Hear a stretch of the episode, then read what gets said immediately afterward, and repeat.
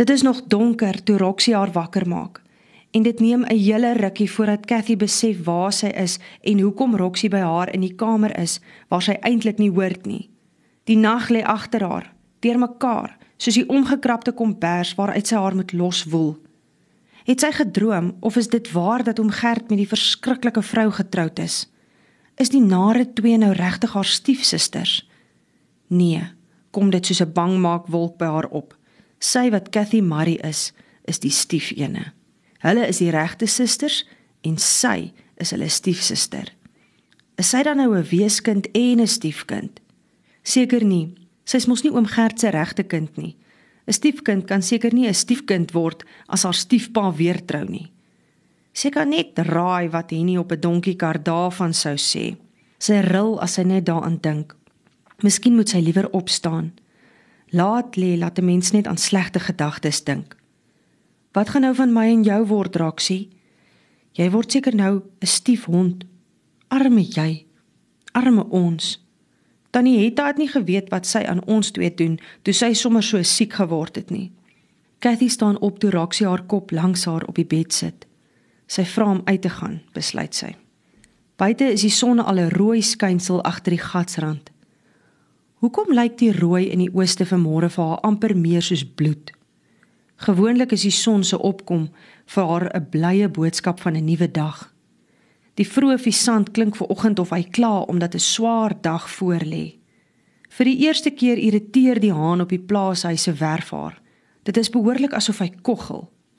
Roxie loop van haar af weg onder die perskeboom in. Sy's alleen. Die kombuis stink na uitgebrande mieliestronke en die stoof is yskoud en die ketel is dof en doodstil.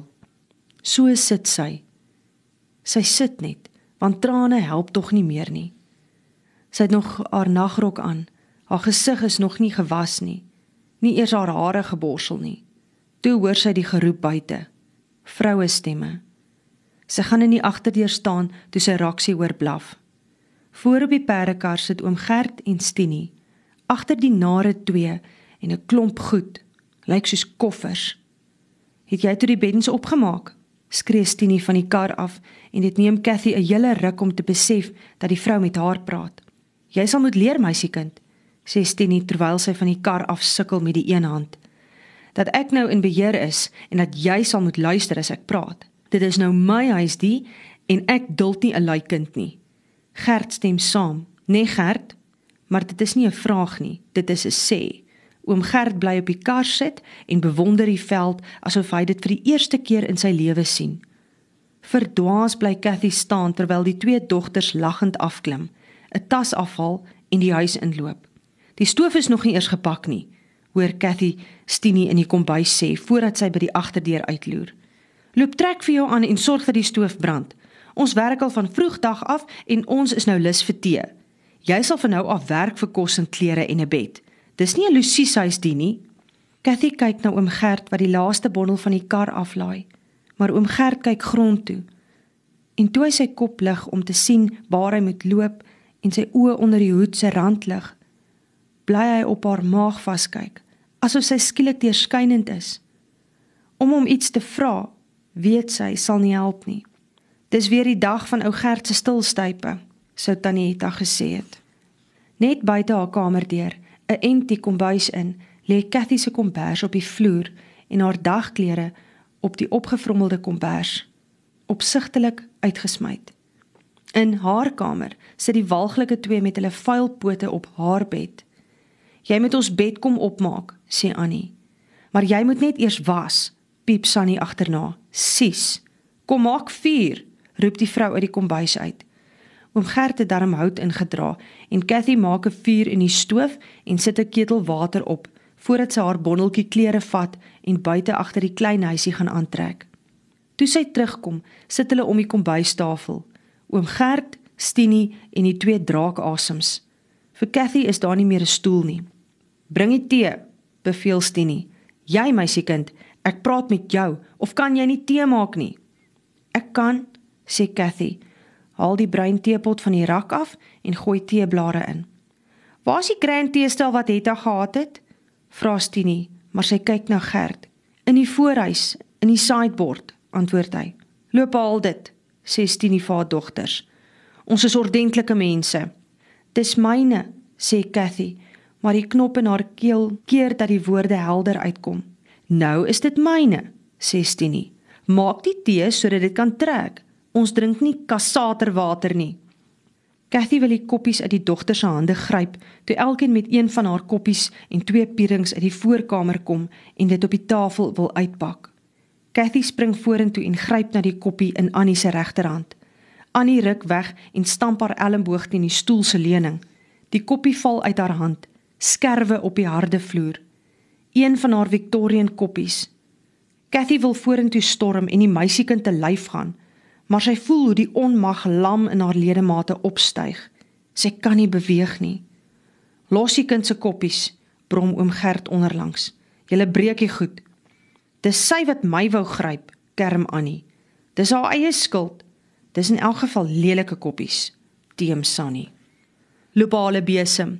Die vrou het opgestaan en is hier by Cathy. Van vandag af sal jy leer om jou ore oop te maak as ek praat. En as jy ooit weer aan een van my dogters raak, is daar moeilikheid. Groot moeilikheid. Dis tyd dat ek jou leer wat gehoorsaamheid is. Cathy staan versteen. Loop uit, skree Stinie. Loop sit buite en dink oor jou sondes. Het jy die kind dan geen maniere geleer nie, Gert? Maar Gert is al by die agterdeur uit.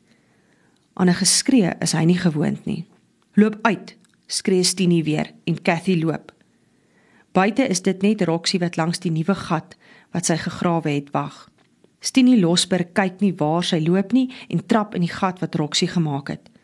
Sy struikel en moet met haar linkerhand gryp om haar balans te hou, maar daar's nie 'n hand nie en sy sak skuins op die trap neer. "Dis die hond," skree sy. "Die ding grou net gate." Dis haar aard, verduidelik oom Gert en help sy nuwe vrou op. Hierdie verdomde brak word vandag vrek geskiet. Hy sal my kinders verskeur, Gert, tier sy. Gaan haal jou geweer. Oom Gert loop so waar sonder 'n woord die huis binne. Toe hy met sy geweer uitkom, loop Cathy agter hom aan, maar hy maak of hy haar nie sien nie en stap vinniger. Toe Roxie haar baas met die geweer sien, draf sy met die opgewonde blaffies agterna, ore regop en die stertjie sekel oor die rug. Sy weet dat dit tarantale gaan wees as die mens met die geweer uitkom. Die man en die hond verdwyn om die hoek van die huis. Hulle ken die pad lande toe waar die tarantale vroegoggend wy. Cathy bly staan, hoor die skoot klap, maar weet dat hulle nog nie naby die tarantale kan wees nie. Die tyd van die dag hou die tarantale in die onderste land wat hulle laasweek met die John Deere omgeploeg het. Roxie blaf ook nie meer nie. Liewe Jesus, begin Cathy soos wat Tannie Hetta haar geleer het. Maar vandag voel dit vir haar of die Here saam met Tannie Hetta weg is hemel toe. Toe sy in die kombuis kom, lê haar kombers en al haar klere in 'n hoopie voor die stoof. Oor net een ding het hulle nie vaag gelieg nie.